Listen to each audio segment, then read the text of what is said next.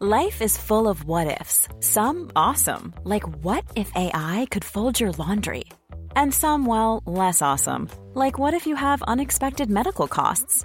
United Healthcare can help get you covered with Health Protector Guard fixed indemnity insurance plans. They supplement your primary plan to help you manage out of pocket costs. No deductibles, no enrollment periods, and especially no more what ifs. Visit uh1.com to find the Health Protector Guard plan for you. Burrow is a furniture company known for timeless design and thoughtful construction and free shipping, and that extends to their outdoor collection. Their outdoor furniture is built to withstand the elements, featuring rust-proof stainless steel hardware, weather-ready teak, and quick-dry foam cushions. For Memorial Day, get 15% off your Burrow purchase at burrow.com slash ACAST and up to 25% off outdoor. That's up to 25% off outdoor furniture at burrow.com slash ACAST.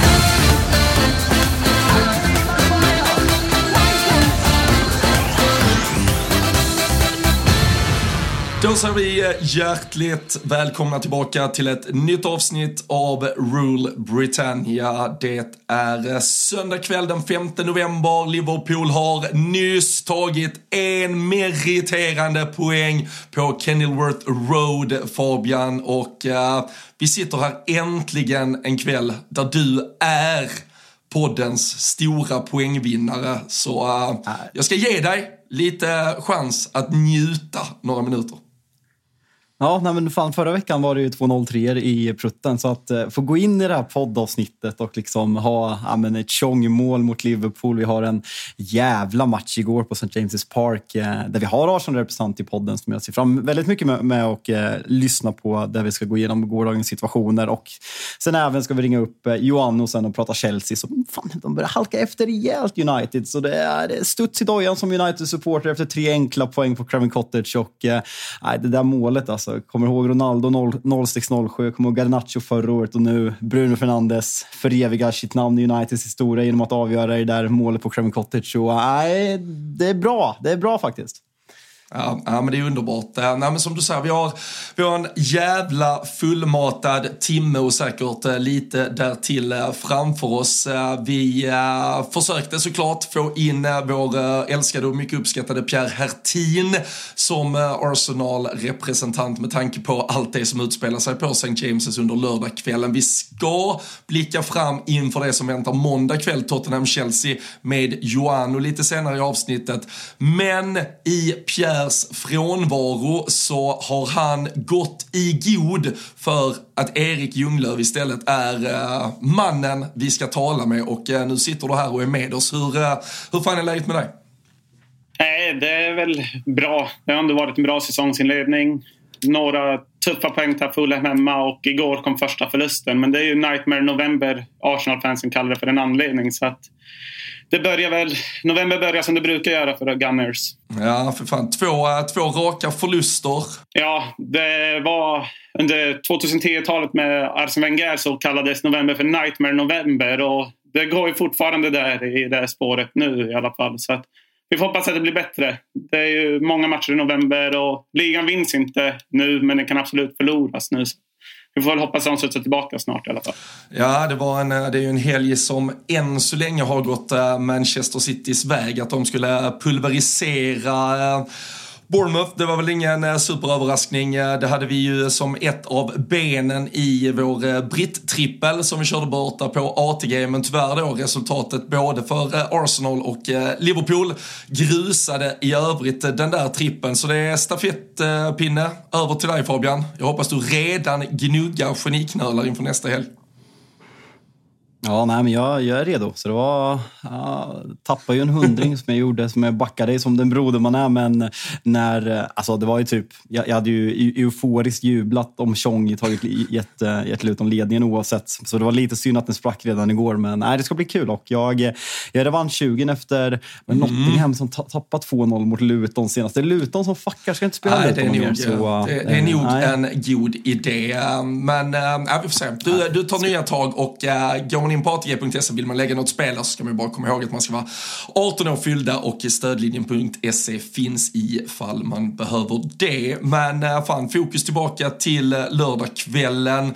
St. James's Park, eh, Arsenal som då skulle studsa tillbaka där, Erik. Men om vi det finns ju situationer så det räcker och blir över att gå in på här. Men om vi tar 90 minuter plus tillägg fotboll som spelades hur eh, tycker du att Arsenal presterar och, och studsar de tillbaka från den där förlusten mot West Ham eller är det fortfarande lite krampaktigt?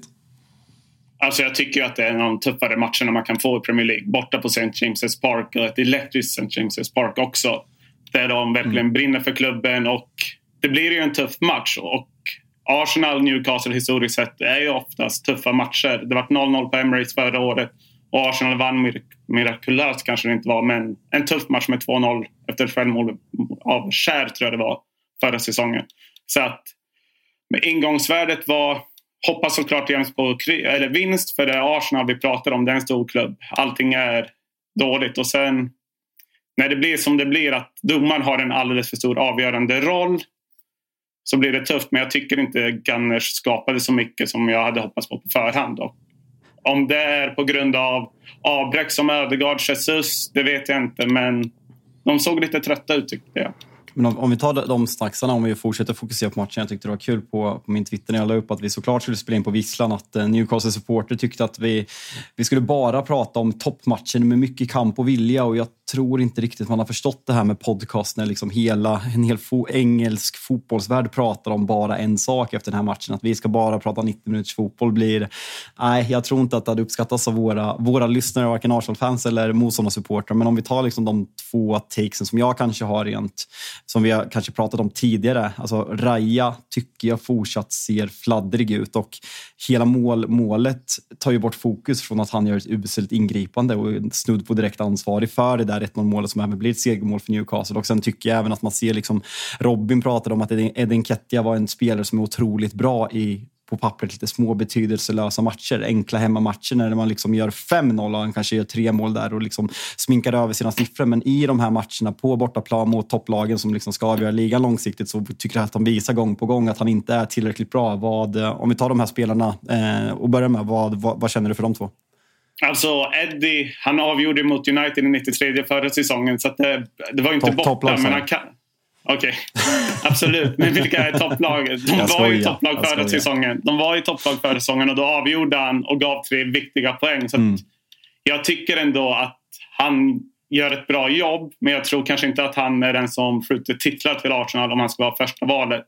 Utan då ser jag hellre Jesus mm. starta. Mm. Och Raja som du är inne på, jag, jag såg äh, mycket, mycket trådar där olika sådana här eh, liksom, eh, taktikkonton började pinga in i olika målvaktsexpertkonton kring att man ville försöka analysera det här kring det eventuellt man vinner i form av hur mycket han kan bidra med i spelet men att hans positionering och det, det är ju faktiskt det som delvis i alla fall är någonting i det här målet också ännu en gång. Och eh, vi har ju sett bollar som har ja, smitit in över honom på både ja, olyckliga och lite märkliga sätt för och eh, han är väl inte helt exemplarisk här heller. Absolut. Det viktigaste som för målvakt enligt mig är att man ska rädda bollar. Sen om man är bra med fötterna så blir det en bonus. Det är en jättetråkig take för det känns som alla säger det. Men jag tycker att Ramsdale, han såg inte heller bra ut mot West Ham och han hade, de släppte in ett hörnmål då också när det var lite kaos i straffområdet. Så jag vet inte om Ramsdale är så pass mycket bättre men det blir ett drev från engelsk media när han är en landslagsmålvakt i England mm. att han ska starta och borde spela för det är mm. Englands number one. Englands number one. Så att, han har ju en jobbig sits och han är bara inlånad också. Men, men känns inte det där också att eh, ja, men hela situationen. att Min känsla när jag läser och går liksom igenom Arsenal-åsikter så känns det som att man... Alltså Ramsey gjorde det väldigt bra. Han var ifrågasatt när han kom och hade åkt ut med två klubbar men sen så gör han väldigt bra försäsong. Men det känns lite som att det är ganska liksom uppdelat i Arsenal-led vad jag ser. Att liksom många backar Raja och många börjar bli högljudda och säger att Ramsdale ska spela. Men det känns som att folk kanske romantiserar hur bra Ramsdale verkligen var. Han gör en jättebra säsong förra året, men att det är liksom ingen Allison som, som Raja tagit platsen ifrån, om vi, om vi uttrycker det så. Eller Emilio Martinez som är världens bästa målvakt som vi fick se idag. Ja, låt mig inte börja med Martinez. Han har ju bränt sina broar med Arsenal-fans sedan länge så han står inte högt upp i kurs heller. Men med Ramsdale och alltså situationen är ju väldigt intressant och alla försöker få fram det till att Arsenal är första laget med två bra målvakter. Så är det ju verkligen inte. Och Arteta har ju varit öppen med att det kanske kommer komma målvaktsrockader mer ofta än vad man ser i, vanlig, alltså i en vanlig situation. Så det ska bli väldigt intressant att se om Raja kanske får en bänkning rent utav här i framtiden. Det blir väldigt spännande att se hur han spel, väljer att spela ja, detta. Vi ska ta oss eh, till, eh, till eh, den fullständigt sinnessjuka domarinsatsen och situationen och det som var så otroligt märkligt var framförallt att Kai Havertz var kvar på planen. Eller? Fast var det det då? Var det det då? Alltså, visst, jag vet att jag kommer vara jättepartisk nu. Men han träffar ju med, alltså, han träffar inte med sitt första ben utan det är ju andra benet. Och om, vi kan komma tillbaka till gamla matcher, men om Kovacic får vara kvar mot Arsenal då kan det aldrig vara rätt. Och jag tycker, ändå, jag tycker att han vinner. För Newcastle får väl tre varningar i den situationen och Arsenal får bara en. Så det är ju mastermind från honom. Det här, var, det här var bara en vänlig inbjudan till podden kan jag säga. Ska vi, ska vi göra så att innan vi går igenom den här situationen, jag misstänker att många som lyssnar på vår podcast redan har hört det här, men vi gör så att vi klipper in Artetas presskonferens som liksom är det som egentligen, ja men, det är klart att situationen är snackis, men Artetas presskonferens är ju som har gjort det till en, ja men en så, sån extremt stor grej. Så vi, vi lyssnar på Artetas presskonferens direkt efter matchen nu. The question is, is not a goal. It's simple. It's not a goal. Because for a goal to be allowed, there are certain things prior to that that the ball hitting one meter from the goal that are not allowed in football. In football, in here, in China, in Japan, in Spain, in Italy, and in Portugal, they are not allowed. That's what happens. Ja, det var en, eh, en Mikael Arteta som eh, såklart inte var helt nöjd med hur eh, de olika domarutfallen föll på St. James. Vi ska, vi ska komma längre fram till uttalanden och klubbuttalanden och annat, men vi får väl lite steg för steg gå igenom det här som Ja, men det är ju en trestegsraket som eh, till slut ändå landar med att eh, domarteamet står fast vid målet. Det är väl Stuart Atwell som dömer. Det var Andy Madley på VAR som eh, sen också dömde. Fan vad koll du har på det här. Alltså, mina gubbar. Det var alltså. Andy Madley som sen dömde Luton Liverpool idag också. Kanske man kommer tillbaka till att bli lite förbannad på senare. Men, men vad fan, alltså, vi har om någon mot förmodan har missat det. Vi har en boll som kanske är över linjen innan den spelas in. Vi har sen ett rejält gruff på Gabriel och sen har vi då en potentiell offside-situation om det nu är så att han ska tillåta spela på den där bollen. Hur, uh, hur upplevde du det om vi spolar tillbaka ett drygt dygn här? Hur framförallt, eller var trodde du framförallt att det här målet eventuellt skulle vinkas bort? Alltså när jag såg målet så gick min sambo förbi och bara oj, släppte Arsenal in mål? Och jag bara, alltså det finns inte en möjlighet att målet kommer gillas. För vi har dels att den är ute och Arsenal typ lägger av att spela. Det får man ju aldrig göra i Premier League. Då blir man ju straffad direkt. Och sen så, den där knuffen är det värsta jag har sett. Alltså det får man ju inte göra i hockey. Ah, jo! Värsta man sett är det inte. Det är, alltså, jag, Alltså de, de, Jongs tackling, på, de Jongs tackling i VM-finalen 2010 är värre än den där knuffen. Förra säsongen, när Arsenal möter United på Old Trafford, så har Ödegaard en liten knuff på Eriksen. Jag vet inte om ni kommer ihåg detta? Jag kommer ihåg det. När, blir, när vi gör 1-0. Arsenal gör ju 1-0. Arsenal gör 1-0 ja, efter 10 minuter stämmer, typ. Stämmer. Och stämmer, domaren går in. VAR går in. Och domaren springer ut till sidlinjen och kollar på det och tar bort det. Och det är så här 50-50 duell. Det, där är, det som hände igår är inte 50-50 utan jag skulle säga att domaren skulle blå... Alltså 9 av 10 så dömer domaren frispark till försvarande laget. Och sen finns det ju en historia med Arsenal och domare. Jag vill inte vara alldeles för konspiratorisk här men ett annat lag får frisparken där, 100 procent. Newcastle hade fått frisparken där, 100 procent. Ja, det, det konspiratoriska rummet är alltid öppet här i Rule Britannia, så det, det är bara att kliva in och, och kliva på här så ska vi nog ha. Ja, men det, det som är så här, för om vi, om vi ska försöka bara ta det snabbt steg för att, att bollen är ute, Kanske, men vi, vi, får ju trots allt aldrig en ty tydlig linje. Det är inte heller en goal like take Vi kan ju gå tillbaka till Manchester United-Brighton som vi satt och snackade om Fabian, det är väl en månad, en och en halv sedan. Där vi också var så här, ja det ser ju ut som att den är ute men vi vet ju fan inte säkert. Då ska man ju inte ta bes Men problemet blev ju att man valde att fälla Rashford den gången men friar nu. Hade man mm. bara friat båda gångerna så tycker jag det är rätt så fine. För vi, vi kan inte till 100% bevisa att bollen var över, då kanske vi ska spela. Men när du har den om vi ska kalla det en 50-50 situation, du har sen gruffen, du har sen en offside som du typ inte riktigt kan bedöma för du ser aldrig riktigt när bollen lämnar kroppen för du får inte en vinkel på när bollen spelas. Hur kan man som domarteam inte vara smarta nog och ta det, alltså, ta det enkla valet, döm bort det på gruffen. Jag, jag har inte så här, jag kan inte landa i om jag tycker det är en 100% i frispark eller om den är 90-10, 80-20. Men jag tycker att någon jävla alltså street smartness måste ju finnas i den där domarkåren. Vi har alltså tre rätt så tveksamma situationer. Använd en av dem till att ta död på det här målet. Med tanke på att vi dömer bort mål för millimetrar hit och dit i andra jävla obskyra situationer. Lös det bara. Det, det är så... Det är så korkat att inte döma bort det på de grunder som ändå finns tillgängliga tycker jag. Ja, just det. Det är ingen jag, konsekvens i ligan. Alltså som Brighton-exemplet. De blåser där och att man inte kan se klart och tydligt nu 24 timmar efter om bollen är inne eller ute. 2023 är vi inne nu. Det är helt galet i världens största liga. Men, alltså en, en sak som jag ändå tycker sticker ut här, det är liksom att till att börja med så tycker jag inte att man, det finns en, en bra kameravinkel där man ser inzoomat hela situationen mellan Joel Linton och Gabriel. Det är liksom stillbilderna, absolut, men liksom, när man ser en live och bakifrån så ser det ut som en vanlig situation som sker extremt många gånger. Och jag håller med er att det lätta är att döma bort det, att det kanske hade varit liksom rimligt. Men sen samtidigt, jag tycker att man ser på Gabriels första reaktion när bollen är i mål. Han pekar ju ner mot kortlinjen att bollen är ute. Han klagar ju inte på frisparken i första situationen. Han klagar på att bollen är ute, vilket kanske säger någonting att han känner själv att det är en fair, det är en mm. fair situation. Liksom. Det, det, är ändå något som jag reagerar på som jag inte har sett någon, någon i grund och botten skriva om. Nej, jag tror också alltså Arsenal, för, eller spelarna, det är ju fem, sex stycken som springer. Det, det de springer på först är ju bollen är ur spel. Det är ju det de vill ha det till. Men jag menar, det, det jag bara tycker, det, det känns som att domarna onö, alltså på onödiga vis sätter sig själva i ett fokus som inte hade behövt. De, de hade kunnat spela sarg ut så många gånger, men väljer att inte göra det. Jag, jag förstår inte det.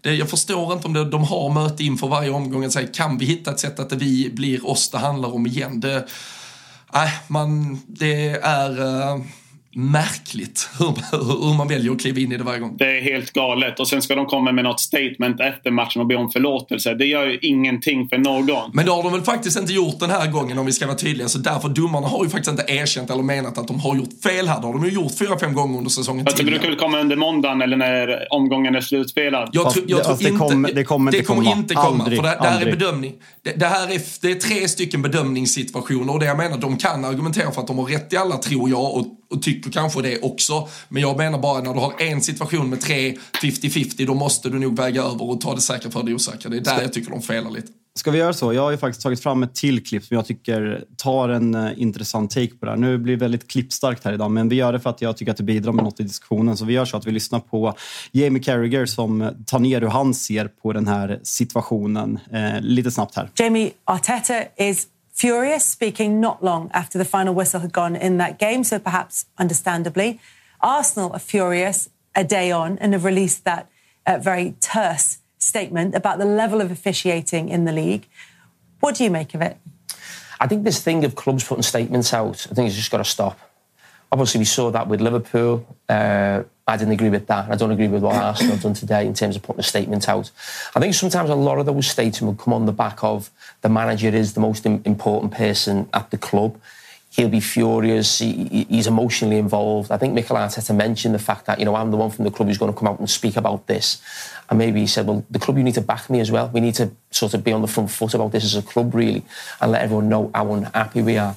But we can't have clubs coming out every time there's a, a referee mistake and put a statement out about the quality of VAR or the referees. Did, you know, managers think... and players make mistakes as well. You know, there's, there's, no doubt we all get frustrated when our own team's involved and, we, and you can become a little bit more emotional.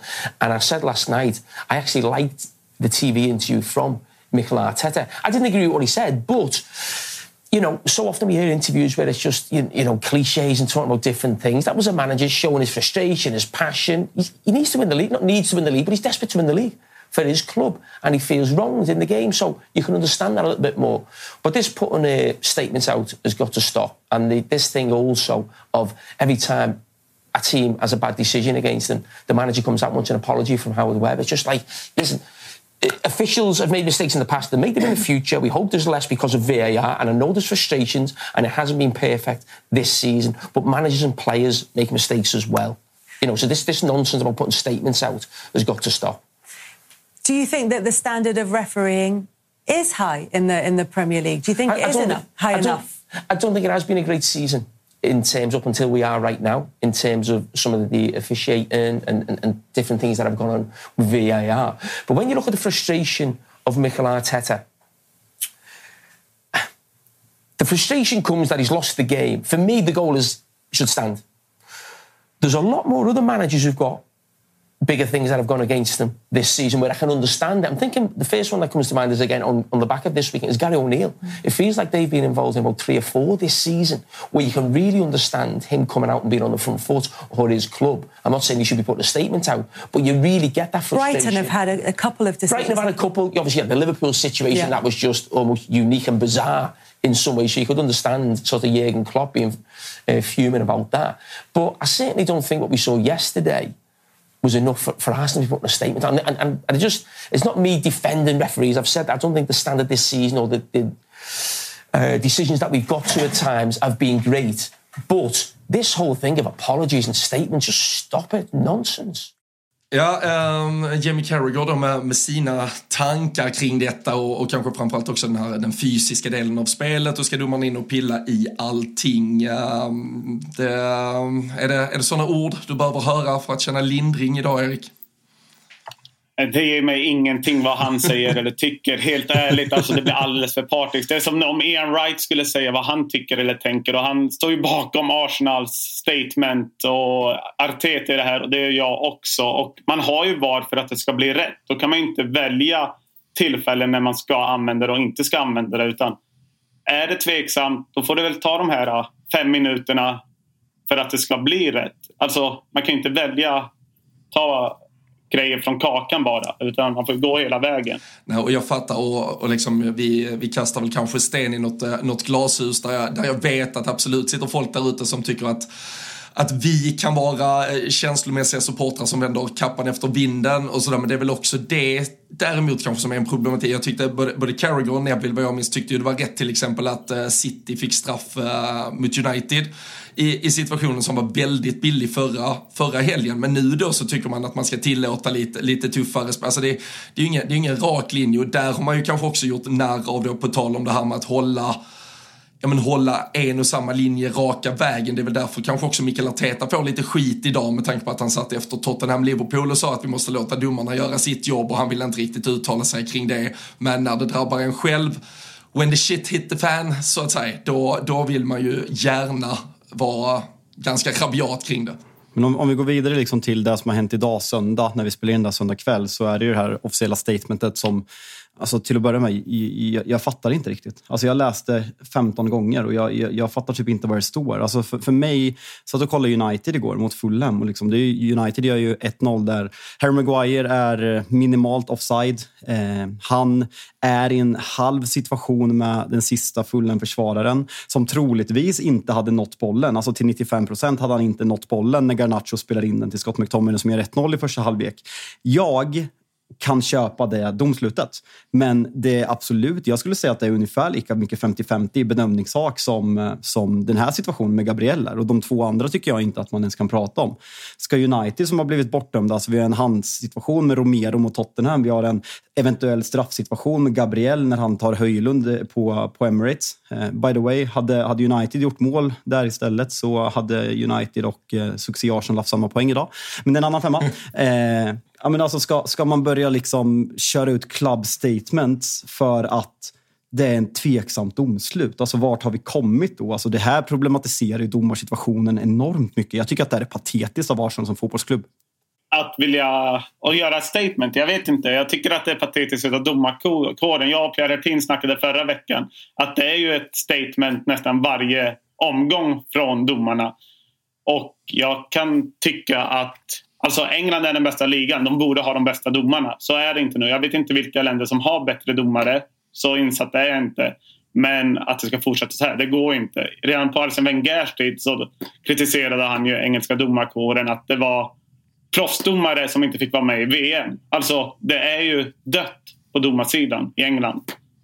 Ja, och så, absolut. Och det, alltså, domarkvalitet, den, den kan vi liksom diskutera i all eh, jävla oändlighet och vi kommer bara sitta och dunka huvudet i väggen kring den diskussionen väldigt, väldigt länge skulle jag tro. Uh, jag, jag håller ju alltså, helt med i sak om att det är en undermålig kvalitet, men jag tycker att, och jag tycker också, återigen, är, är man partisk, tar jag någon sida här när jag säger att jag tycker att det var faktiskt rätt av Liverpool att gå ut med ett statement med tanke på att där var det ju, om vi, om vi använder domartermen clear and obvious så var det ju faktiskt ett direkt fel. Det var ju någonting som, som blev på ett sätt som det absolut inte skulle bli och, och alla visste att det var ett fel. Här blir det ju exakt som du är inne på Fabian, att vi har 50-50 situationer som Arsenal tycker borde gå åt ett visst håll och där tycker de då att man nu ska liksom ransaka det eller nagelfara det. Jag tycker också att domarkåren måste sluta be om ursäkt när de gör fel. Alltså, antingen så får de brösta det direkt i typ intervjuer, så här tolkar jag det, ni kanske tyckte annorlunda, fan vet jag. Men man kan inte sitta och erkänna var och varannan kväll att det har blivit fel heller. Ty jag, jag tycker att den också blir fel i detta. Men fattar du vad jag menar? Att jag tycker att det här spär på. Liksom, vad, vad står det ens? Man backar Arteta i att han tyckte att domarna förstör fotbollen, att han lägger ner mycket tid. Det är så här, såna här... Alltså så här, jag, jag, vill vara jättetydlig. Så här, jag fattar att det liksom inte är kul som Arsenal-supporter och att man är uppe i varv efter den här situationen. Jag hade varit fullständigt vansinnig om jag fått det där bortdömt mot mig. Man är uppe i varv, det är lördag kväll. Jag, jag fattar det. Men man kan inte sitta och skicka ut club statements för att det är en 50... Jag, jag tycker att det är en 50-50-duell. Eh, jag, jag, tycker verkligen det. Men vad tycker du de skulle göra istället? Att gå ut och såga Arteta och säga att matchen avgörs? Nej, men de kan väl bara hålla käften jag, jag tycker väl på något sätt att Arteta är ambassadör för Eh, Arsenal. Alltså det Arteta säger på en presskonferens representerar vad Arsenal Football Club på något sätt står för. Man behöver inte gå ut med ett statement att Alltså det här tycker jag ger... Alltså vi har suttit i den här podden och diskuterat domare alltså, varje vecka känns det som och det börjar bli jävligt tröttsamt. Och liksom, domarna är ju extremt utsatta redan från en ung ålder och en låg nivå. Det här tycker jag bara ökar pressen på dem och liksom få dem att känna ännu mer att när de går ut i varummet, alltså fatta när de sitter och ska ta det här beslutet. Alltså de måste ju ha sån jävla hög puls. Det här får inte bli fel för det, vi har fått så jävla mycket skit och liksom det ökar ju pressen och gör att det blir sådana där situationer som det exempelvis blev på Liverpool-Tottenham. Så jag tycker att det är helt fel väg att gå. Vart går gränsen? Alltså ska United skriva ett statement för den här, för, eh, för Höjlunds fasthållning på Rodri som hälften tycker är straff och hälften inte? Alltså ska, ska, vi, ska varje klubb som drabbas av ett 50-50 eh, beslut skriva ett statement att man tycker att domarna är dåliga dåliga. Det blir, det blir helt fel.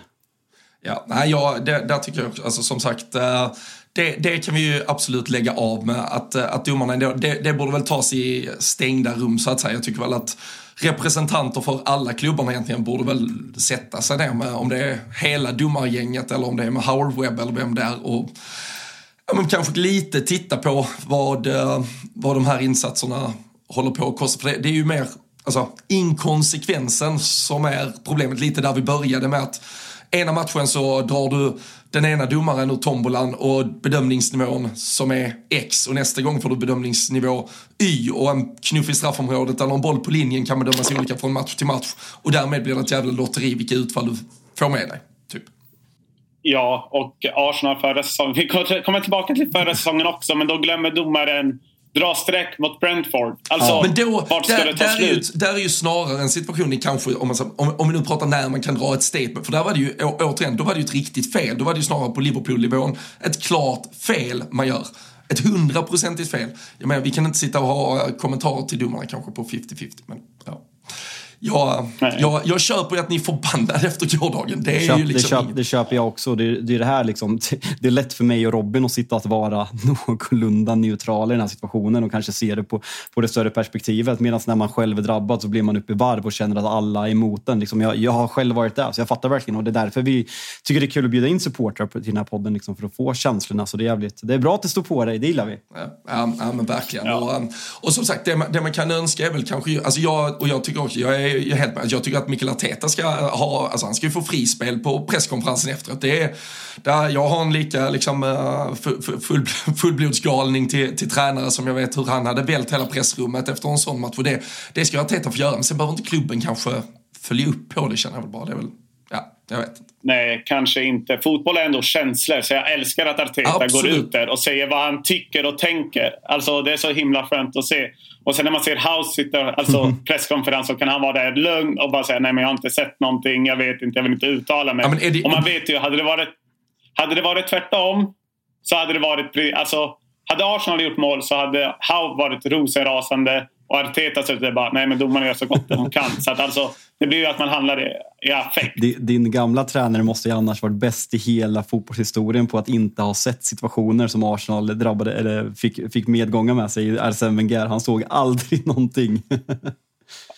Jag kan väl tycka att Ferguson ja. också var ganska bra på det gamet och alla är lika bra kålsupare där. Man ser aldrig någonting som har påverkat det egna laget. Sen förstår jag egentligen, alltså jag tror kanske att jag som, som vinnande, alltså du har ju fått dina tre poäng, du har ju vunnit matchen. Alltså Eddie Howe jag vet inte, det är ju inte så att han tjänar någon jävla pluspoäng i någon domarbok till nästa vecka för att han sitter och säger att de är lite halvbra. Den där.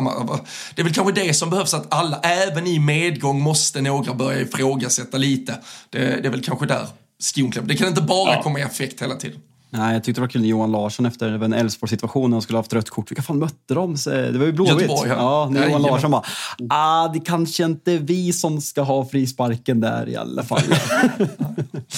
Nej, fy fan. Men, men gällande, gällande Erik, där, förlåt, där, där, du sa med Arteta, att, liksom, att du gillar känslor. Och jag håller ju med. Liksom, det säger ju någonting att Arteta gått från en tränare som man typ inte brydde sig om för två år sedan till en man känner liksom, att man kan bli provocerad på sättet jag kan bli av Jürgen Klopp. Och det betyder att ni har en fruktansvärt bra tränare som provocerar motståndarnas supporter och det är där man vill. Man vill att det ska vara ens lilla svin. Alltså jag vet ju vad folk tyckte om Sir Alex Ferguson och det är ju liksom den, den inom fotboll som har betytt mest för mig genom tiderna. Eh, så det är något väldigt positivt att Arteta gör, gör upp den här och en sån här Alltså, det här statementet kanske liksom bygger på det här. Vi pratade med Liverpool efter matchen mot Tottenham att det blir liksom en vi mot världen-känsla. Det känns som att Arsenal har gått från en klubb många inte brydde sig om för två, tre år sedan till en, en klubb som provocerar väldigt många just nu. Eh, och jag tror att Arteta, att det kanske kan vara lite, lite taktiskt att få den här vi mot världen-känslan för Arsenal också om man ska ta något positivt från det hela.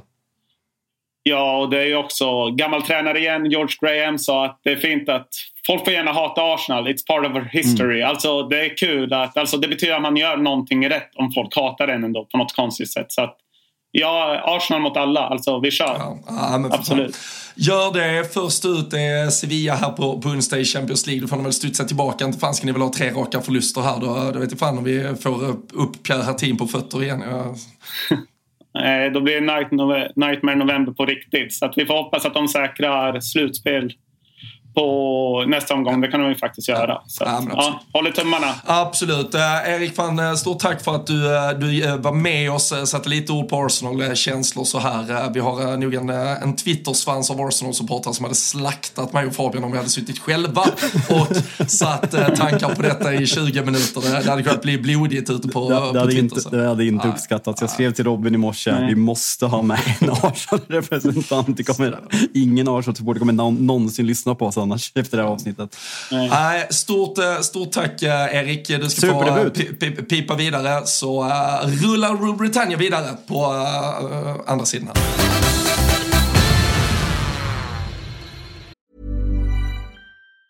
Even on a budget, quality is non-negotiable. That's why Quince is the place to score high-end essentials at 50 to 80% less than similar brands. Get your hands on buttery soft cashmere sweaters from just 60 bucks, Italian leather jackets, and so much more. And the best part about Quince, they exclusively partner with factories committed to safe, ethical, and responsible manufacturing. Elevate your style without the elevated price tag with Quince. Go to quince.com slash upgrade for free shipping and 365-day returns. Burrow is a furniture company known for timeless design and thoughtful construction and free shipping, and that extends to their outdoor collection.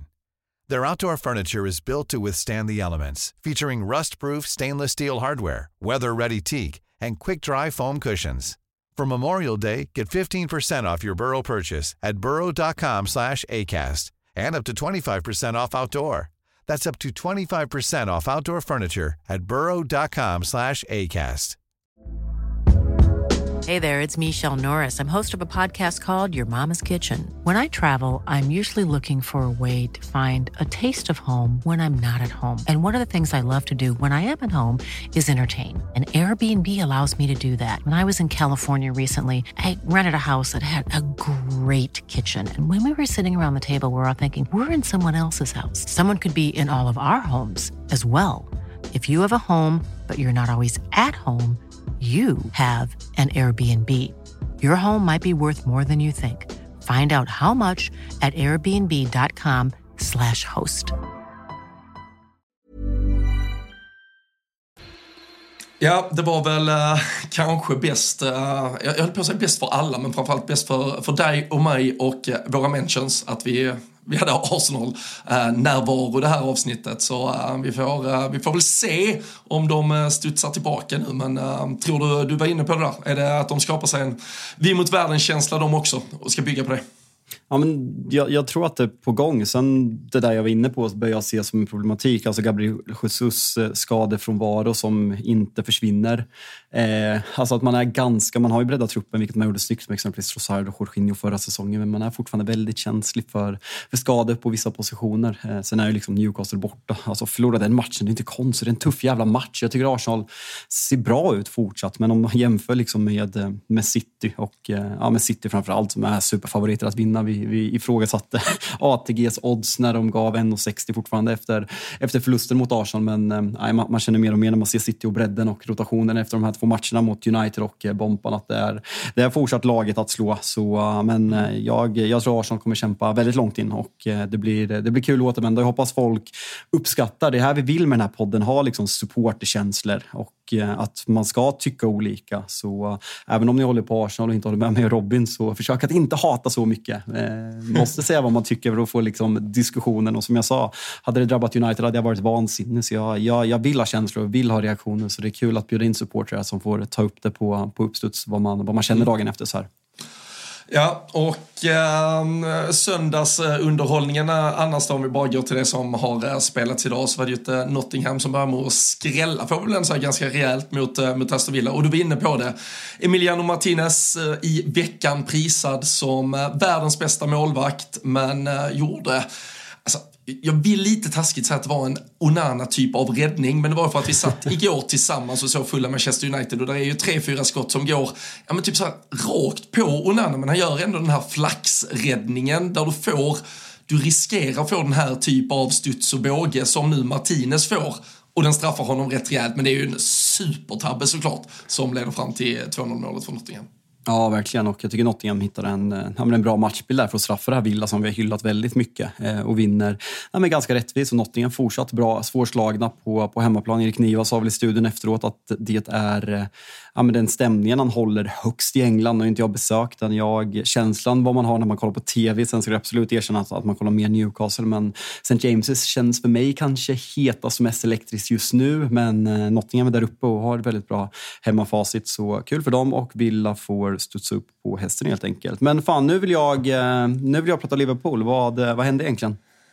Du har mått Nej. alldeles för bra. Så nu, eh, det är synd att jävla målet. Kul för Luis Diaz, absolut. Och firandet med, med sin pappa, det är klart att det även gör mig lite varm i hjärtat. Men hade ju varit kul att trycka på räck här med 0-1 mot Luton. Ska inte ljuga. Nej, då, på tal om elektriska arenor så, så hade väl Kennywood Road kanske, kanske inte stått kvar eh, just nu eh, ifall det, det hade fått stå sig 1-0. Men eh, alltså det...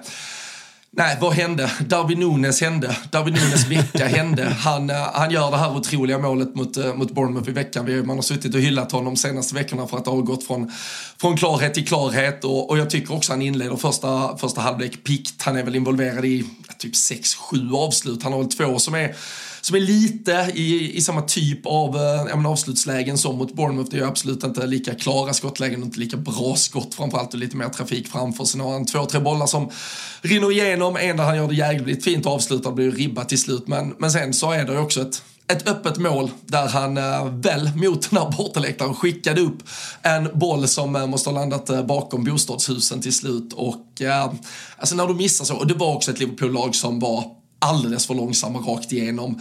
Skapar Liverpool tillräckligt mycket för att vinna? Ja, men hade man känslan att Liverpool skulle vinna? Nej, för det var väldigt stillastående, det var energifattigt och, alltså vi pratar elektriska hemmaarenor för vissa av de här lagen.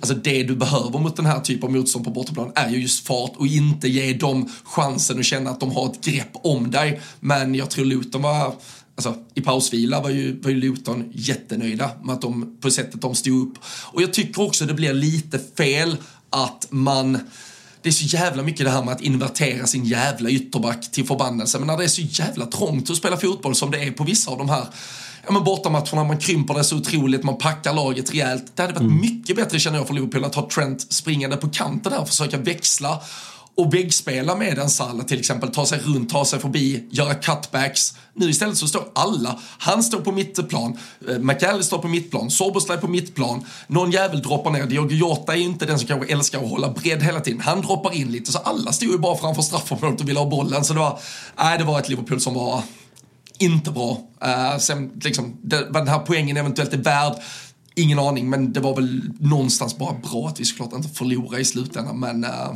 nej, riktigt svag insats. Vad heter det? Nu har ju Salah spelat. Alltså du, sen ni värvade Salah så har man liksom reagerat väldigt många gånger på att Jürgen Klopp spelar honom även en avgjord Champions League-match på bortaplan. Och liksom man bara, fan ska du inte vila? Han är inte 25 längre, han har passerat 30-årsstrecket. Bör han, nu så här, jättelätt med facit i hand liksom, när Salah kanske inte sticker ut idag, men 90 minuter mot Bompan borta i en regntung plan på Englands Ibiza i onsdags. Kan man läsa in något av det?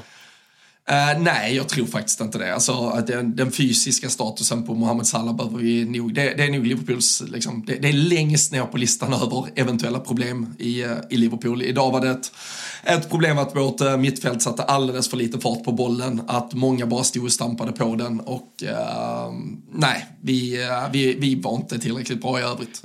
ligans, lig, ligans bästa spelare utbytt i 66 mm.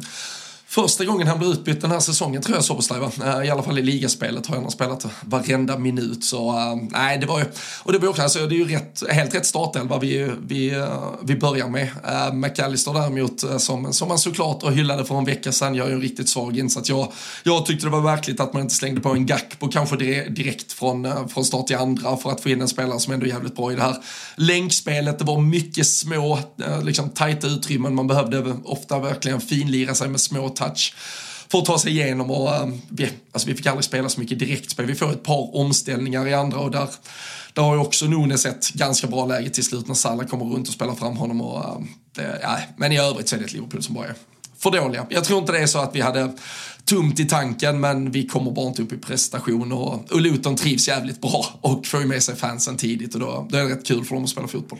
Vad har ni nästa innan landslagsuppehållet och sen därefter väntar en ganska viktig match mot City borta? Ja, och det är ju otroligt, alltså med tanke på vad, hur spelprogrammet ser ut så skulle det vara full pott fram till det där landslagsuppehållet för att verkligen gå toe-to-toe med, med City uh, när det väl var dags där. Men uh, nej, det är Brentford nästa helg uh, på hemmaplan. Uh, McAllister, nu tyckte väl jag noterat var hans femte varning, så jag tror han är avstängd. Ja, jag läste det på Twitter. Brentford. så, så, men det är väl bättre att han är avstängd kanske mot Brentford än mot City.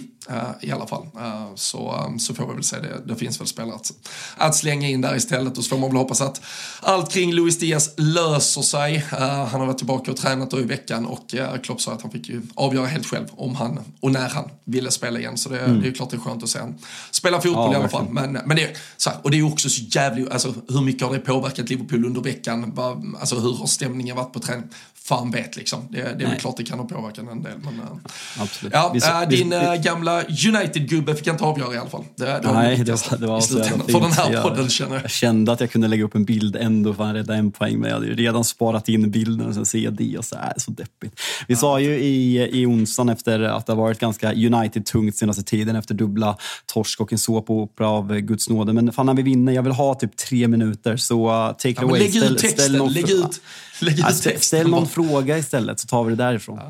Ja, ja, men vi har ju varit inne på, på situationen eh, som, eh, ja men det bortdömda målet, eh, det nämnde du, det, det satt vi och diskuterade lite och det, som du säger, det, det är så jävla svårt. Jag tycker inte vi behöver fastna där med tanke på att er stolta, stora, starka lagkapten ändå trycker dit vinstmålet och, och du var väl inne på, det var ju Garnacho i 90 förra året och, och Bruno nu här i 90 men eh, kände du att ni gjorde någonting rätt för att vinna den här fotbollsmatchen eller var det ändå samma saker?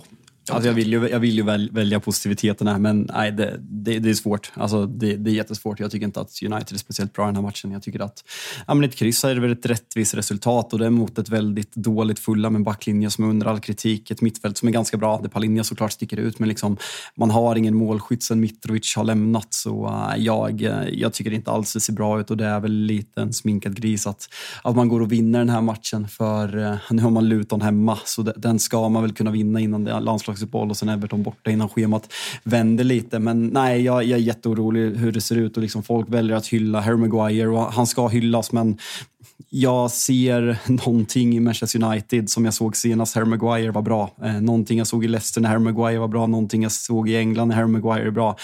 Ett jävligt dåligt fotbollslag, då är Harry Maguire bra. Alltså när man är tillbakatryckt, man står lågt med backlinjen, han får nicka bort den, han blir inte jätte, jättepressad i uppspelsfasen. Han har en underskattad fot, det vet vi sedan gammalt. Om man inte bara vill ha ut och samla billiga poäng på Harry Maguire så har han en väldigt underskattad passningsfot. Men att Harry Maguire har blivit bra handlar ju mer om att Manchester United är väldigt dåliga. Laget har blivit. Ja.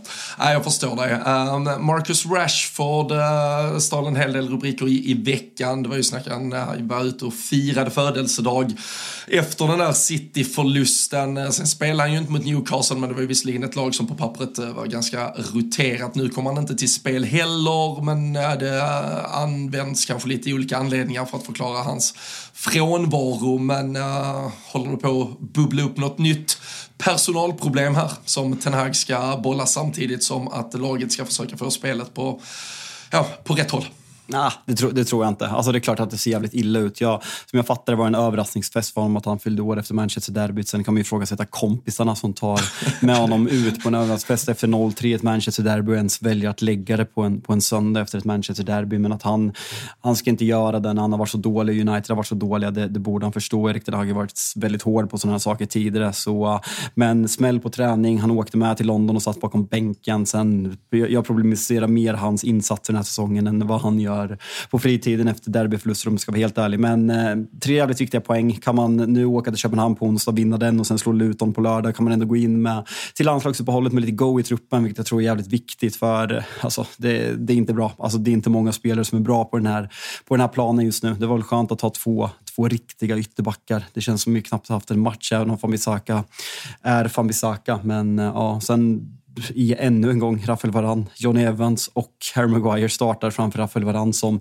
kommer in i den 94 minuten för att bilda en fembackslinje för att hålla 1-0 mot Fulham borta. Det, det är klart att det är speciellt. det, det, det, det var ju så jävla fel så du, ja, jag, jag, såg, jag såg liksom lika delar matchen som jag satt och såg dina ansiktsuttryck när vi satt tillsammans och såg det här i, i 90 minuter. Och, ja, men man, man ser en människa typ förtvina framför ens ögon. Det, det, ja, det är li, lika delar vackert som, som såklart lite smärtsamt. Jag tycker ju trots allt lite om dig faktiskt, det, det, det vill jag vara tydlig med. Men, eh, äh, ja, men så får du då ändå glädjen äh, av målet i, i 90 och, och du får ju fira i ett par minuter. Men sen ser man när, när Varann ställer sig upp och, och ska bytas in, ser man hur sjunker ner igen. Så här, det, är, det är något sinnessjukt som, fram, alltså som händer framför mina... Vi har så spelat med John Evans Harry Maguire och nu tar vi in den femfaldige Champions League-mästaren på att stänga igen butiken sista två minuterna. Det var, um, ja, äh, det var, det var ett minspel man uh, kunde betala för att få uppleva. Vi, vi noterar även att jag tror att John Evans har fem ligamatcher, fyra vinster, en förlust. Så ett väldigt bra poängsnitt med John Evans på, på planen.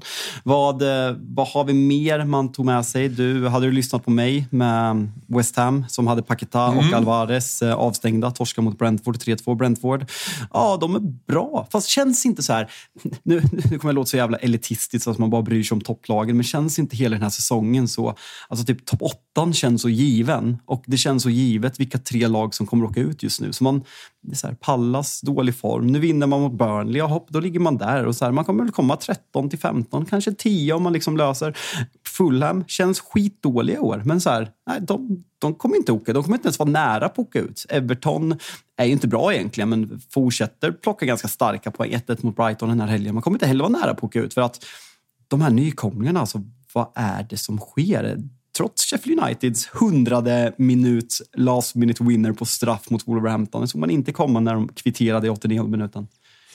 Nej, fy fan. Det, är, det är ett Wolves som inte kan hålla ihop det utan eh, Pedro Neto eh, framför allt. Och eh, vi kan väl bara konstatera att även Ashley Young har haft ja, men bättre veckor. Han ja, tar ju det där röda i, i derbyt, avstängd en, kommer tillbaka här och så uh, får han uh, ja, vinkla in uh, Mittomas skottinlägg över Pickford. Och så, så är det alltid lite kul att titta på att det är lite korta armar på den där Everton-målvakten som inte riktigt når fullt ut. Men, ja, men lördagen var väl, alltså Manchester United som ren fotbollsunderhållning var ju också väldigt låg kvalitet ska man säga och Newcastle Arsenal var i, alltså ska vi vara helt ärliga, inte superkvalitet fotbollsmässigt heller tyckte jag. Alltså jag förstår den här som ville se oss eller höra oss diskutera kampen och, och glöden och allt möjligt men till fotbollsunderhållning vet inte fan hur mycket det var. Så det var, jag tyckte det var rätt så, eller fan, hela omgången nu med tanke på att söndagen har inte bjudit på mycket. Så det, det är kanske läge att bara stänga Tråkiga, igen butiken. Jättetråkig ja. omgång. Alltså det enda som, alltså det som har gjort den här, alltså hade inte vi haft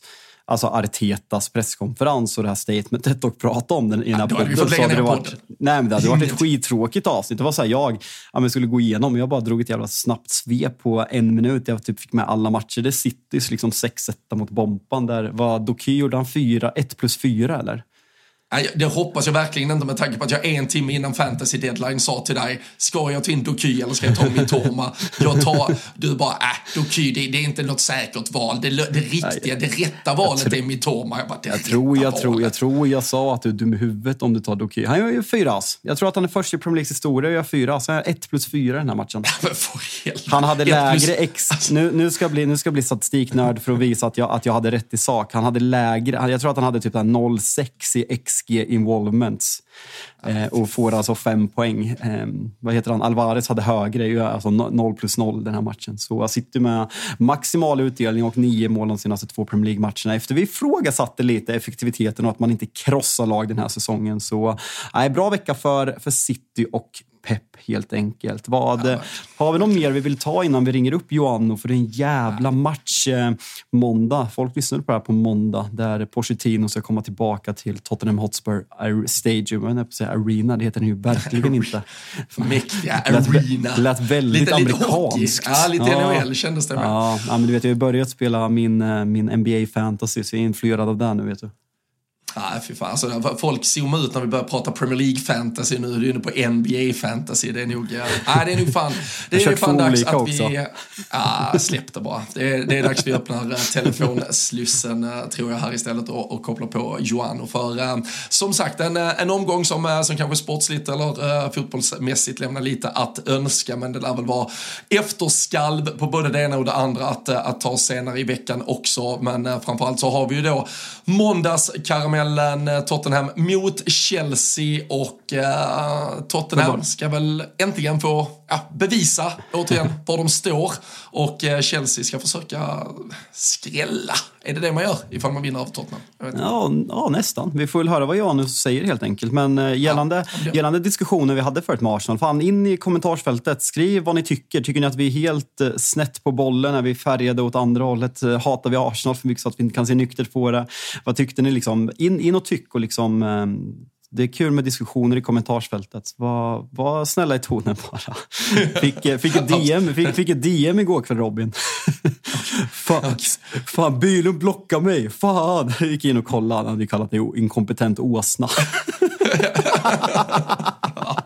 jag bara, jag bara, folk är alltså, också, de är alltid lika, de är lika förvånade varje gång det händer. Man bara så vad fan är det med Jag bara så här, jag, jag, bara så här, jag skulle försöka hitta vad han hade skrivit, fick jag googla så här, hans, gå in och kolla. Bara så här, jag, bara, alltså, jag tror han kan ta om du tycker det olika, men skippa och skriv inkompetent åsna. Åldrande inkompetenta åsna tror jag han skrev. Ja, ja, ja, det Finns det någon som inte är åldrande? Alltså man åldras nej, varje sekund. Där slog jag in en öppen dörr, men ja, nej, det, var, det, var ett, det var ett kul DM. Så jag, jag pratade lite med honom igår kväll. Det var trevligt.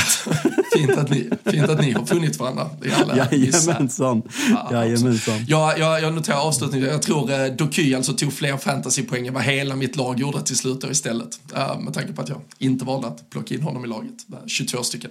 ja, när vi, inne, när vi har pratat FPL fantasy och eh, NBA fantasy så jag satt ju, jag satt ju Matthews och eh, Joakim Persson i Sirius på bänken i min fantasy allsvenskan igår mot Djurgården. Jag har 29 poäng på de två. Det känns ju skitbra. Ja, du, allsvenskan nu ringer vi, ska nu vi ringer inte vi, prata Nu ringer vi Johan. Ja, det gör vi, för nu tappar vi de sista lyssnarna. Så in tillbaka alldeles strax så har vi med oss eh, Daniel Joano för att snacka upp eh, Tottenham mot Chelsea. Ja, men om det även då har varit en uh, fantastisk fotbollshelg så här långt så uh, väntar ett av uh, de stora körspärren på den där Premier League-tårtan på kvällen. Måndag här som avslutning, Tottenham mot Chelsea. Och Eh, vi har länge velat få in den här eh, rösten. Återigen många lyssnare som har efter, eh, eftersökt var han har tagit vägen. Så varmt välkommen tillbaka till Rule Britannia, Daniel Joano. Tack så jättemycket Robin, kul att vara tillbaks. Hur, hur är läget? Som, som människa börjar vi med och som Chelsea-supporter ska vi återkomma till. De går ihop de där världarna. Så att, yeah. Men ju äldre man blir så lyckas man på något sätt hålla isär dem faktiskt. Och det blir lättare med, med åren, tycker jag. En gång i tiden så var det ju liksom, hur gör du? Skit. Chelsea går dåligt, eller fantastiskt. Chelsea vinner Champions League, eller sådär. Men nu för tiden så... Eh, ja, jag vet inte. Man, man har blivit lite bättre på att hålla isär det. Så att som människa mår jag bra, som supporter mår jag inget vidare. Det, där är typ en grej i, podd, i poddvärlden som man märker av. Alltså här, när, när folk gästar poddar eller liksom ordinarie medlemmar också får frågan hur är det? Då, ta, ja. då tar man så för givet att svara. Har en slag vunnit, då är det sånt jävla studs ja. i dojan. Om man förlorat så är det tunga mm. steg. Och fan, det, ja. Man kan hålla så här, även om det är svårt som United-supporter nu, ska jag villigt ja. erkänna.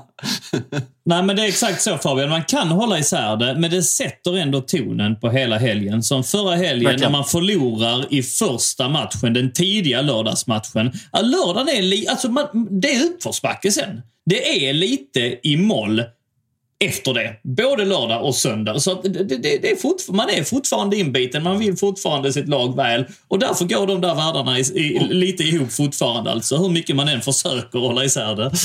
Och man, och, man, och man slåss ju fortfarande än idag, trots liksom ett 20-25-årigt aktivt supportskap med just det där. När fan är det egentligen bäst eller sämst att skicka ut sitt lag? För allt ja. är ju avhängigt resultatet alltid. Som du säger, 13-30 förlust mm. förstör hela ja. helgen. Förstör det är också jävligt skönt att det löser Men också skönt, ja. Ja. söndag, söndag 17.30 förlust, då ska man ha med sig den skiten in i den nya in veckan. Så, vecka. Oh. så kanske är det det här, måndag kväll, som är det det, det bästa. Ja. ja, ja, ja, det. Du, har fått en, du har haft en fin helg i alla fall ju, helt enkelt. Ja, ja, så är det ju. Man har i alla fall haft en oförstörd helg. Sen är man ju lite påverkad av de andra resultaten också såklart. Ja, men så. Ja. så är det Så är det alltid. Det, det senaste ni har um, åstadkommit sportsligt uh, som ni har med er in i bagaget uh, till måndagskvällens match är ju ett äh, avancemang i ligacupen. Där var det kanske föga förvånande väldigt mycket fokus Manchester United och den matchen de hade mot Newcastle när vi pratade ner det i senaste avsnittet här. Men, ehm, eller därmed så Chelsea fick väl lite stå åt sidan. Men fan, ni skickade ut ett ehm, väldigt starkt lag tyckte mm. jag på pappret i alla fall. Ja. Blackburn bjöd väl inte på något större motstånd men handlade här, om man säger, det starka starka laget mycket om att bara verkligen för det första säkerställa resultat men att försöka ingjuta lite, lite mod och uh, lite positiva vibrationer generellt här i laget uh, inför det som nu väntar. Det är ju ett spelschema med start idag som är extremt tufft i Premier League framåt. Absolut. Nej, exakt så är det. det. Jag tror att du satt fingren på pulsen där. Att det är viktigt att man inte... Hade man förlorat den här matchen så hade det blivit katastrof. Och det hade man inte råd med. Ehm, dessutom så är det ju, och Pochettino adresserade det på en presskonferens också, att eh, dessutom är det väldigt många dagar till Tottenham-matchen. Hade, hade Tottenham-matchen varit på lördag, eller eh, ibland kan det vara på en fredag till exempel också, men nu är den ju på måndag som, som, som, som, som vi redan eh, diskuterat. Eh, och, och, och, från onsdag till måndag så är det ändå så pass mycket luft så att man, man, man, man han, han gick starkt ut och, och, ville verkligen inte förlora den här matchen. Med det sagt så var det ju ändå lite rotation. Det var ju några spelare som fick stå över, bland annat Thiago Silva som har startat varenda Premier League-match fram tills nu. Badia Chil gjorde sina första minuter. Eh, vem var det mer? Caicedo startade inte. Ja, Reece James fick göra sin första start. Så att lite rotation, men, men extremt sparsamt eh, eh, på den fronten absolut. Och ett mycket starkt lag och eh, en, en väldigt nödvändig vinst för att som sagt alternativet hade varit eh, fullständigt förödande. Och det, det är den chansen man inte vill ta i det läget som vi är i just nu. Nej, och uh, det, det, vi nämnde kanske från matchen, det var ju ett, uh, det var ett ganska uh, givmilt Blackburn då med, med svenskt i uh, huvudrollen mm. där också, Leopold Wahlstedt uh, som, som klev in mellan stolparna. Han, han gav mm. ju bort ganska billigt 1-0 målet till Badiashile, men hur var... Vad har jag sagt om det där? Ja, hur, var, hur var insatsen annars från Chelsea tycker du? Eh, pff, medioker. Eh, lojigt eh, parklunk. Eh, eh, tyvärr, det var ingen, ingen direkt glöd. Men man, man gjorde jobbet och eh, i det läget som man är just nu så får man väl luta sig på det. Den klyschan att eh, det är väl viktigast med, med resultatet. Mm. Ja, det, det, det, är såklart viktigast med resultatet och eh, mm. det är trots allt avancemang ni fram i en, i, i en kvartsfinal. Men uh, vi, vi satt ju här Fabian efter uh, Chelsea-Arsenal för, för någon vecka sedan och det var det ju ja, men en, en 2-0-ledning som, som blev 2-2. Jag, jag vill minnas mm. om att vi, vi, vi delvis pratar om, om två vinnare på, på vissa sätt, men, men samtidigt så känns det ju som att när Chelsea då följde upp det med den där torsken mot Brentford så, mm. så kände man kanske mer att det var, det var inte så jävla mycket vunnet av att ha varit nära mot Arsenal. Nej, Nej så är det tyvärr. Eh, det, det sätter ju agendan och eh, laget som vi ställer upp mot eh, på måndag har exakt, jag skulle säga att det, de har liksom en liknande säsong som vi, bara det att de får med sig resultaten. Eh, I alla matcher där vi inte får med oss resultaten, i de här matcherna som står och väger, där har Tottenham fått med sig resultatet i år och där har vi liksom släppt in 2-2 i slutet eller vår motståndare har kontrat in en boll trots att vi har haft 80% eh, bollinnehav. Ehm, Även liksom... Eh, ja, det, det, det, det, finns fler, fler matcher som jag tycker att vi har spelat bra på där vi har haft liksom eh, Aston Villa-matchen, ett rött kort på Malo Gusto, dominerar totalt, eh, blir eh, 1-0 till Aston Villa. Som sagt senast mot Brentford också. Madueke har ett skott i ribban när det står 0-0. Istället är det Brentford som vinner. De här alltså marginalerna måste man ha med sig. Till slut börjar man spela dåligt. Och eh, ja, det, det är där vi står tyvärr. Det, det, här blir en jättebred fråga, men du får försvara, försöka svara på den så, så enkelt som det går. Men om man kollar rent, alltså, folk som lyssnar på den här podden vet ju hur jag har låtit gällande Manchester United. Mm. Det går ju läsa media, alltså rapporteringen om Manchester United om krisen. Samtidigt som Mm. min känsla är att Chelsea är, ja, men de är på rätt väg. Det, det, det Mm. finns något där. Man spelar ganska bra. Man har, som du sa, har, har haft små marginaler emot sig. Men likväl så ligger man efter det här utskrattade, hånade Manchester United i tabellen. Hur, Mm. mycket, hur mycket kan man rikta kritik mot truppen? Hur mycket kan man skylla på det enorma skadeläget? Vi är ändå Mm. ja, men en fjärdedel in i säsongen nu. Man, och likt förra säsongen så ligger man på underhalvan. Absolut. Och, och, och du har rätt. Och hur länge ska man få fortsätta göra det? För att jag tycker att eh, kontrasten är monumental mellan de två lagen. Vilket eh, alltså jag, jag håller fullständigt med på. Ehm, inte minst förkroppsligat i en tweet som du la ut igår där du fullständigt tappade, eller om det var förrgår. Alltså som någonstans beskriver sinnesstämningen. Och jag är rätt långt ifrån den tweeten. Alltså, vilket också på någonstans målar upp en bild mellan eh, de olika eh, klubbarna. Vi, vi är Eh, alltså det kan ju inte gå hur långt som helst. Och Chelsea har haft 18 jävligt tuffa månader. Alltså det, det måste man konstatera. Men ändå så är det i Manchester det skaver. Det är i Manchester United som eh, det ryktas om splittringar i truppen och där eh, Erik Ten Hag hänger löst och han ska favorisera spelare och han är eh, dålig en manager och, och Sancho är i frysboxen och, och det, det ryktas ju om att han alltså på riktigt hänger löst och kan bli sparkad och eventuellt ska ersättas av Potter läste jag idag. Alltså fortfarande lösa rykten, men, men de, finns där. Det, det, det, det, det är negativ stämning. Det, det är mörkt. I, I Chelsea så är det, en, det är, vi, har, vi är inte riktigt där alltså. Det är som du säger, om det sminkas på grund av en lång skadelista, vilket vi har haft. Om vi också kommer undan med att vi har spelat bra i rätt många matcher men inte fått med oss resultaten. Ja, möjligtvis. Om det också är så att eh, Pochettino fortfarande han ger ett ganska förtroendegivande intryck i det här läget. Det gjorde inte Potter.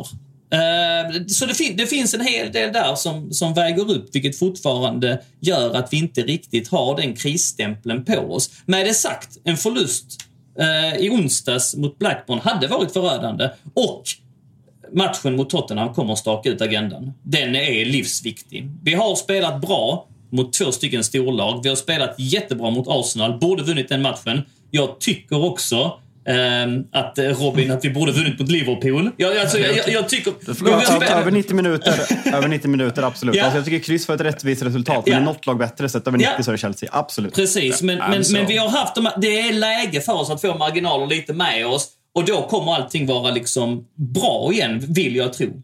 Eh, ja, jag ser att eh, du, du vill bli insläppt Robin. Ja, men alltså, sch- schemat som väntar nu bara för om, om någon eventuellt har missat det, bara var, var Ja, väldigt tydliga med vad, vad, vad ni har framför. Det, det är alltså det är, det är Tottenham eh, här då måndag kväll och sen så är Mm. det Manchester City, sen är det Newcastle, sen är det Brighton, sen är det Manchester United. Vi får väl Mm. Se mördande, vilken, vilket, vilket lag som är i djupast kris där. Det är ju på förhand i alla fall fem matcher på pappret här Yes. som som i den bästa av världar och där ni lever upp då till, eh, jag menar kanske inte förväntningar men i alla fall eh, de, den bild du då målar upp av vad ni har presterat i toppmatcher tidigare kanske Ja. kan vara den stora vändningen någonstans. Men det kan Ja. ju också för ett lag som inte har marginaler med sig mer eller mindre betyda noll poäng på fem matcher. och, absolut. eh, och då, då, då pratar vi ju verkligen... Så, Ja, Jag behöver inte sätta exakta ord på det, men jag, men jag tänker det här kring, kring Pochettino, är det inte... Det, det är väl också, där, där måste vi alltså, vara tydliga med skillnaden. Han har ju bara varit här tio omgångar. Erik Ja. Ten Hag har varit där ett och ett halvt år i stort sett i Manchester United. Så, så det är väl det också, och det, då kan man ju lita mycket Såklart. mer på tendenser än Absolut. på resultat. Så är det. Så är det. Så att det, det, det är klart att det är också en faktor som eh, man, eh, man väger in. Um, med det sagt så resultaten i sig borde ändå kunna göra. Det Det har ändå gått tio omgångar i Premier League och, och eh, de bottennappen som vi har noterats för rent resultatmässigt med förlust mot Brentford, med förlust mot Aston Villa, med eh, förlust mot Nottingham. Alltså fyra förluster på de första tio matcherna. Eh, tränare har fått gå i Chelsea tidigare för liknande streaker så att det hade ju inte varit konstigt, det är bara det jag säger, om det hade muttrats och det gör det. Det muttras lite faktiskt. Det muttras lite, men det är ingen krisstämning. Det är väl där den stora skillnaden ligger. Alltså det sjuka är ju som du säger, det, det är ju sättet ni har förlorat. Alltså de här tre av de här fyra, mm. visst det, det, är ju den här lite kaotiska matchen mot uh, West Ham och det är straffmissar och det, yeah. det är det yeah. ena med det fjärde där. Men, yes. men annars är det ju alltså att ni har blivit nollade på hemmaplan mot yeah ja, kanske då med undantag och med lite respekt för Aston Villa så är det ju lag som mm. på pappret är, ja, normalt är lag 10 neråt i stort sett i serien. Men, det, men, men, men är det inte det problemet med, med Chelsea är? Liksom man hårdrar det. Det är ju absolut att slå in en öppen dörr, men avsaknaden av en målskytt. Alltså, ni har hungrat eh, efter en målskytt väldigt länge och liksom Sterling hade en bra startsträcka och mm. Mudryk har kommit in och liksom imponerat ja. mer än man kanske gjort tidigare. Men det är fortfarande, ni har ingen Salah, ni har Nej. ingen Saka, ni har ingen Nej. ja, men, Håland Nej, som ingen har i och för sig. Men det. Det, det. är ju för mig problemet. Alltså, och varje gång vi börjar nosa på det, va? Mudryk gör eh, två mål, kommer lite i form skadad. Eh, vi, hade Armando, Armando Broja, en eh, ung eh, engelsman som har varit eh, skadad i ett års tid. Kom tillbaka, gjorde mål direkt. skadad.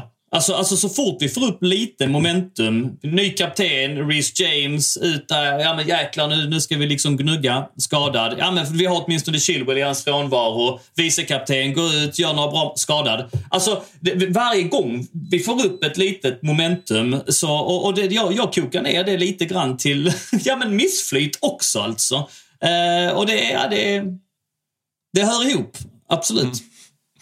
Vad, eh, vad, vad har vi för status på, uh, på tal om uh, men, uh, saknad av offensiv spets, eller åtminstone mm. så kan vara delaktig i den där. Så Nkunku mm. mm. närmar sig väl, mm. men... Mm. Ja, det är värt att lyfta fram att Nkunku var ju fantastisk på försäsongen och han mm. Armando Broja och Nicholas Jackson skulle ju konkurrera längst fram. Visst, Nkunku kan väl släpa lite grann också. Men, men i nuläget är alla eller Borja och Nkunku är skadade. Borja väl, har väl en lättare skada, men vi vet hur det kan vara med de lättare skadorna. Plötsligt så missar de 5, 6, 7, 8 omgångar liksom. Nu är det ändå andra matchen i rad Borja missar också, så att eh, den är frustrerande.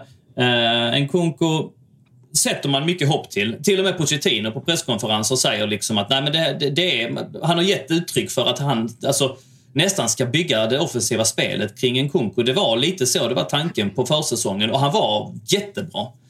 Eh, och från början initialt så skulle han vara borta en bra bit in på nästa år men nu eh, sägs det att ja, men han är tillbaks snart sa Pochettino på förra presskonferensen. Så, ja, men vad innebär snart då? Ja, så krystade han väl fram att det var någon gång här i, i november, eventuellt efter landslagsuppehållet tror jag att han sa. Så att det är i slutet på november någon gång. Så att det, det börjar närma sig. Eh, men vårt stora problem just nu är att Jackson, som man ändå trodde var en bra värvning och som gjorde det bra på försäsongen, som ändå öppnade säsongen hyfsat, har varit klappkass i de tre senaste matcherna. Alltså riktigt usel. Så att eh, man börjar få liksom lite det börjar lukta Kessman kring honom. Alltså så dålig har han varit. Ja, det, det, Eh, och det är ett eh, orosmoment. Så att det där, det, nu börjar det ryktas om att man ska värva in en anfallare. Och, och liksom det börjar snackas om 100 miljoner pund för Ivan Tony. Jag menar, kom igen. Ja, är det lösningen liksom? Ja. Nej, alltså det, det, det, går ju inte. Niklas Jackson, alltså jag fick lite Darwin Nunez-vibbar i början av säsongen av ja. honom. Att man, liksom, man såg att det finns en jävla produkt där, att det kommer liksom när det lossnar, som vi mm. ser att det gör för Darwin nu. Mm. Det har snarare gått åt fel håll med Niklas Jackson. Men ja. om, vi, om vi går ner och eh, bara framförallt alltså det centrala mittfältet så mm. kanske det var där det snackades mest om. Lav har ju inte spelat någonting, Nej. men alltså Conor Gallagher förstår jag är jävligt kul att han har ja, men, kanske slagit igenom på den yttersta nivån i år om man får sänka ribban lite och säga något positivt i Chelsea-led. Men om ja. vi fokuserar på två man mittfältet med Enzo Fernandes och Moises Caicedo. Ja. Moises Caicedo som min poddkollega hade som topp tre sämsta värvningar tio matcher in i Premier League i torsdagens avsnitt. Vad, mm. vad är känslan där? För på pappret ska det ju typ vara kanske efter City-ligans bästa mittfält. Mm. Jag håller inte med din poddkollega där. Jag skulle säga att han är den sämsta värvningen hittills. Så att... Oj! Oj! Topp tre, ja.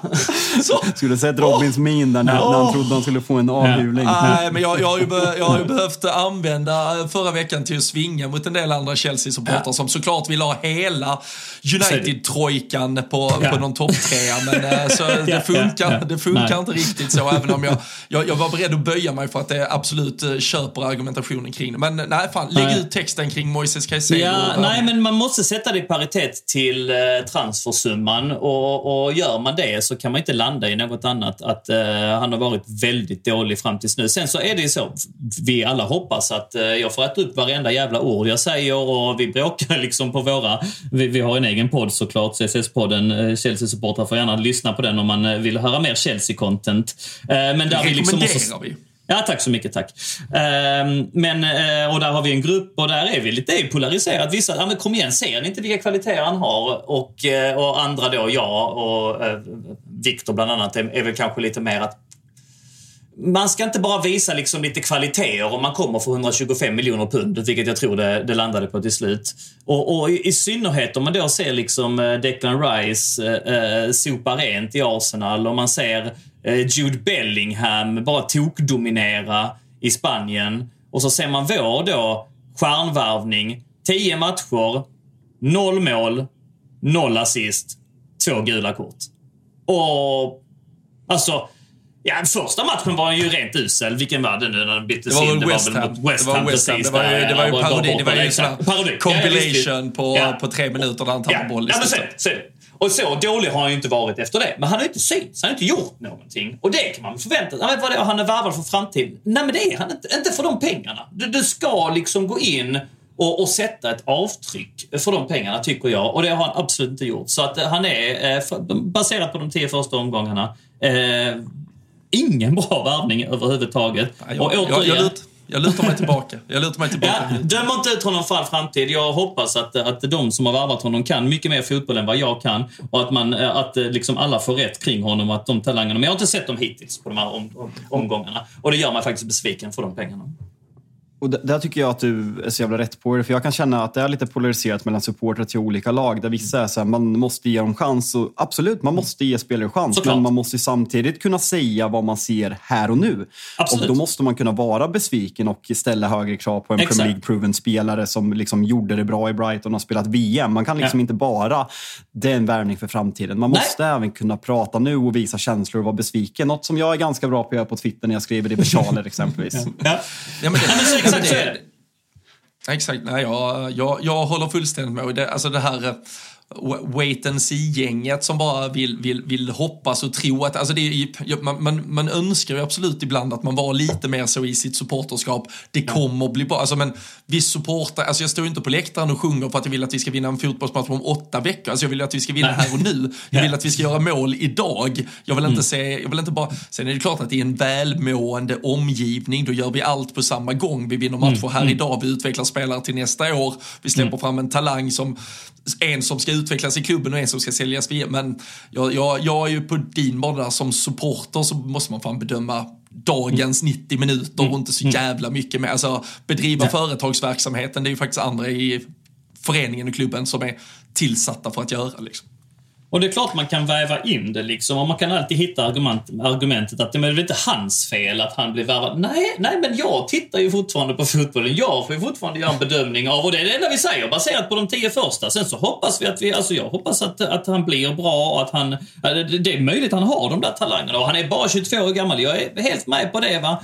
Eh, det är andra som kommit till Chelsea. Jag tror Peter Cech var 21 när han kom till Chelsea, dominerade direkt. Eden Hazard var väl en 23 när han kom till Chelsea, dominerade planerade direkt. Så det går ju. Alltså det är inte så att det inte, att det inte ska gå. Så tanken har inte varit att värva en spelare för 125 miljoner pund och att han ska, liksom ska ha någon, någon långsam integrering in och bli bra om tre, fyra år.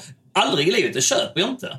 Uh, och, och, och, vi säger liksom inte att så inte blir fallet. Vi hoppas att han blir bra. Att, att, men baserat på de här tio första omgångarna, mycket under förväntan. Ja, vad, vad, är status? Jag är inne på Lavia i början. Vad är status där egentligen? Ja, fortfarande skadad. Chelsea har någon sån diffus eh, skadeuppdatering där man eh, lägger ut namnen och så skriver man bara “Continue to undergo his rehabilitation program” utan att egentligen utveckla mer. Men eh, om man ser på Physioroom, vilket jag slängde mig på innan det här avsnittet gick igång, så är det väl början av december som man har sagt.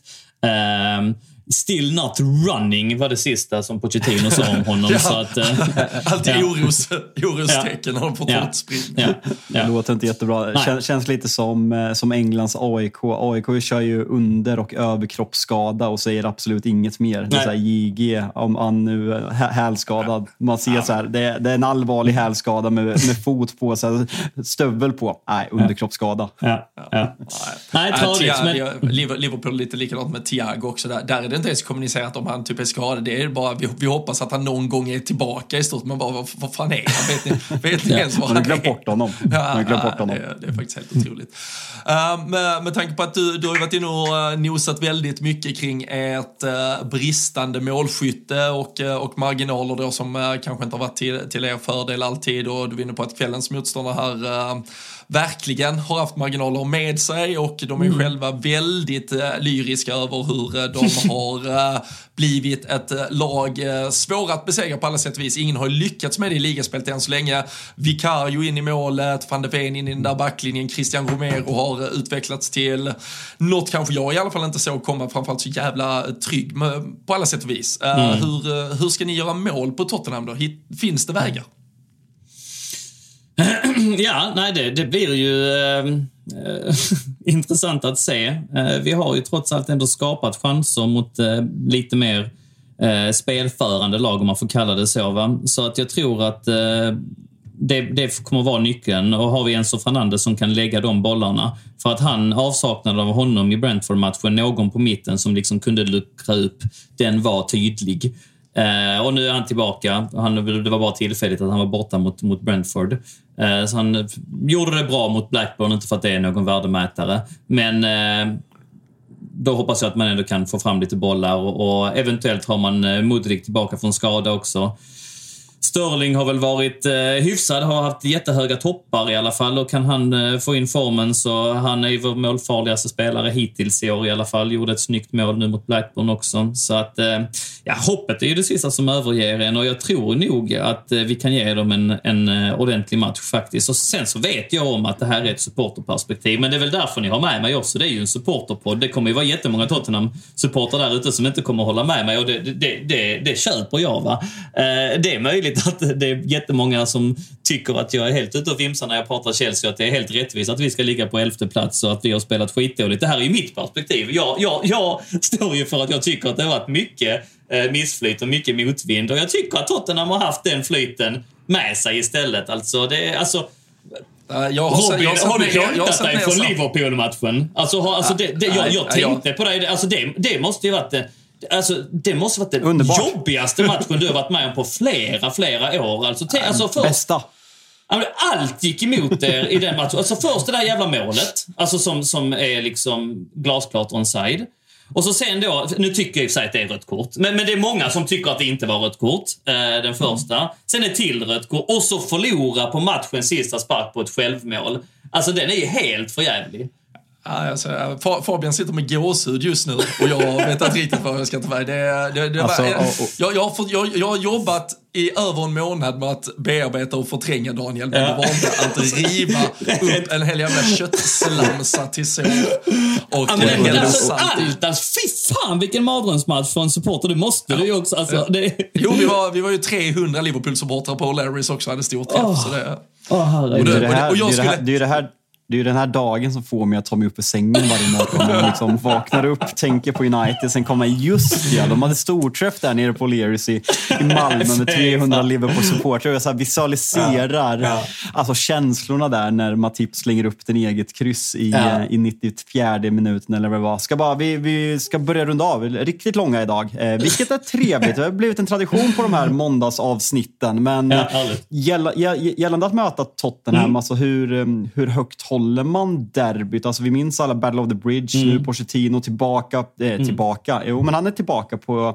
är på sin gamla arena och eh, liksom har det har det liksom steppat upp ännu mer derbyt och sen, eh, ja men känslan för Tottenham, liksom, är, det, är det hat eller vad, vad känner du? Ja men det är det, absolut. Det är en av våra absolut största eh, rivaler och har haft många tuffa matcher mot dem. Eh, jag kommer ihåg många matcher redan på tidigt 00-tal där det hettade till riktigt ordentligt eh, och, och, med den tidens eh, legendarer som verkligen kunde, inte satt några fingrar emellan. Eh, Graham Lesoff tog onödiga röda kort och ja, det var, ja, det var riktigt, eh, riktigt hårt och det, det liksom spunnit vidare med, ja, med Diego Costa som du nämnde. Jag tror det var 20, om det var 16. Uh, eh, jag vet exakt vilken match du menar, eller du, du, du syftar på i alla fall. Så att det, det, det, är klart, och i synnerhet nu också när det finns väldigt mycket i potten när man kommer in till detta. Va? Och, um, um, jag, jag, tror ändå att på pappret att det är två stycken jämna lag uh, som kommer att mötas och jag tror att det är en extra krydda också såklart att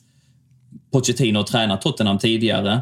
Sen så tror jag att det hade nog varit ännu mer hatiskt om inte Tottenham hade gått så bra som de gör nu. Eh, det kommer nog alltså det, det, finns en viss risk att de hittar någon ödmjukhet där va, och välkomnar honom på något storsint sätt. Va, när man, det är så jävla lätt att göra det när man leder ligan. Liksom. jag, jag, skulle precis komma till det, för det, det är ju ändå en svår, alltså, han, han lämnar ju någonstans ändå som en hjälte. De spenderade ja. flera år ja. med att uh, skrika ja. efter honom som yes. en återvändare. nu precis. kommer han ju dit som Chelsea och med det och då ändå den nutidshistoria uh, som finns och som du pratar om, den ganska aktualiserade rivaliteten under de senaste säsongerna. Så det, det blir fan intressant att se hur han tar sig ja. emot. Alltså, ja. det, de, men de kommer nog precis, nej, de kommer vara exakt sådär, fan, du, du är på rätt väg tror jag. Nu är de så stolta över att de har ja. Ange istället så de kan liksom unna att ni fick Precis. Pochettino på något sätt. Ja, ja jag tror det. Hade, hade det varit motsatta roller va, så hade det varit, då hade han inte varit välkommen tillbaka på nej, hjälp, nej, nej, nej, nej. Då är det lite liksom lättare. Men frågan är om man gör en Sören Kratz imorgon. han har förstört allt. Fy fan alltså. Ja. ah, fy fan. Alltså, ah, total, total gåshud om ni vinner med 3-0 och sen går han runt och tar det. Så, ja, exakt. Liksom. Ja, men det, då kan han få göra det. Det, det är okej. Okay. Ja, men, men alltså, det, så här, ärevarv innan match när han blir liksom eh, presenterad eller något sånt. Nej, det vill man helst inte se. Hoppas verkligen nej. han fattar eh, vikten av matchen, men det tror jag. Som sagt, till skillnad från Potter så säger ju han rätt saker. Han, han, är, han ger, inger ett visst förtroende. Va? Han, han, han utstrålar eh, rätt eh, aura på något sätt. Va? Och, och, det tror jag kan ta oss ur detta också. Och jag, låt oss hoppas att det, det är, börjar med en vinst mot Spurs. Det hade smakat Absolut. jättegott. Ja, såklart. Jag, jag sitter i uh, Chelsea-båten, här mot Tottenham i alla fall. Uh, så jag, jag är med Gör nog fan det jag också. Alltså, jag är riktigt trött på De mår för bra och liksom yeah. Ange måste ner på jorden lite. Det är inte yeah. ofta jag håller på Chelsea, men jag tror fan jag gör det. Yeah. Och då, då, är, då, då, är det ändå en uh, tuff rival där i mittenskiktet för er Fabian. Så det, det, det, det ja, snyggt. snyggt ja. Ja. ja. men jag har ju sagt, det är bäst att komma åtta. Det är min gamla poddkollega från Premier League-podden, Fredrik Gustafsson, sa alltid det. Åttonde plats är bäst, för då slipper man alla, alla europeiska kupper som man kan fokusera och göra ah, Chelsea. Chelsea eller Tottenham i år. Ja, ja. ja vi, får se. Vi, vi, får se vad det blir. Det är fan, äh, riktigt jävla spännande blir det i alla fall med Tottenham-Chelsea måndag kväll. Sen väntar en Champions League-vecka. Jag tycker man ska hålla utkik på alla våra kanaler. Det kan bli en del Champions League-watch-alongs. Kanske får se Fabian bita ihop när FCK ska vältas på parken. Och, ja, men det är mycket som väntar. Vi är tillbaka igen om några dagar. Det rullar på för fullt. Eh, vill man lägga något spel på veckans Champions League kan vi varmt rekommendera ATG.se. Kvällens match här, Tottenham-Chelsea, finns såklart också där. ATG.se snedstreck tutto så hittar man specialspel längre fram. ATG.se gäller om man vill lägga något matchspel. Ni ska såklart vara 18 år fyllda. Stödlinjen.se finns om ni vill in där. Men eh, med det sagt, stort tack Daniel för att eh, du var med och gästade. Lycka till här mot Tottenham. Du har två supportrar i din ringhörna från podden.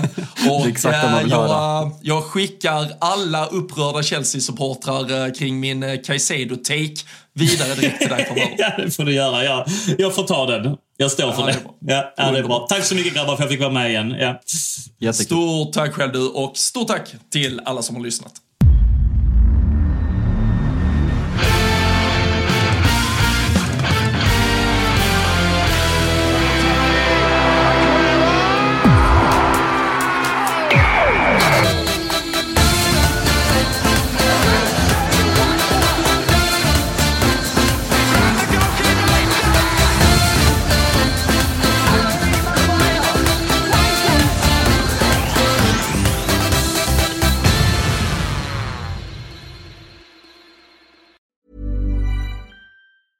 Hey, it's Danny Pellegrino from Everything Iconic. Ready to upgrade your style game without blowing your budget? Check out Quince. They've got all the good stuff shirts and polos, activewear, and fine leather goods, all at 50 to 80% less than other high end brands. And the best part? They're all about safe, ethical, and responsible manufacturing. Get that luxury vibe without the luxury price tag. Hit up quince.com slash upgrade for free shipping and 365 day returns on your next order. That's quince.com slash upgrade. Mom deserves the best, and there's no better place to shop for Mother's Day than Whole Foods Market. They're your destination for unbeatable savings, from premium gifts to show-stopping flowers and irresistible desserts. Start by saving 33% with Prime on all body care and candles. Then get a 15-stem bunch of tulips for just $9.99 each with Prime. Round out Mom's menu with festive rosé, irresistible berry chantilly cake, and more special treats. Come celebrate Mother's Day at Whole Foods Market.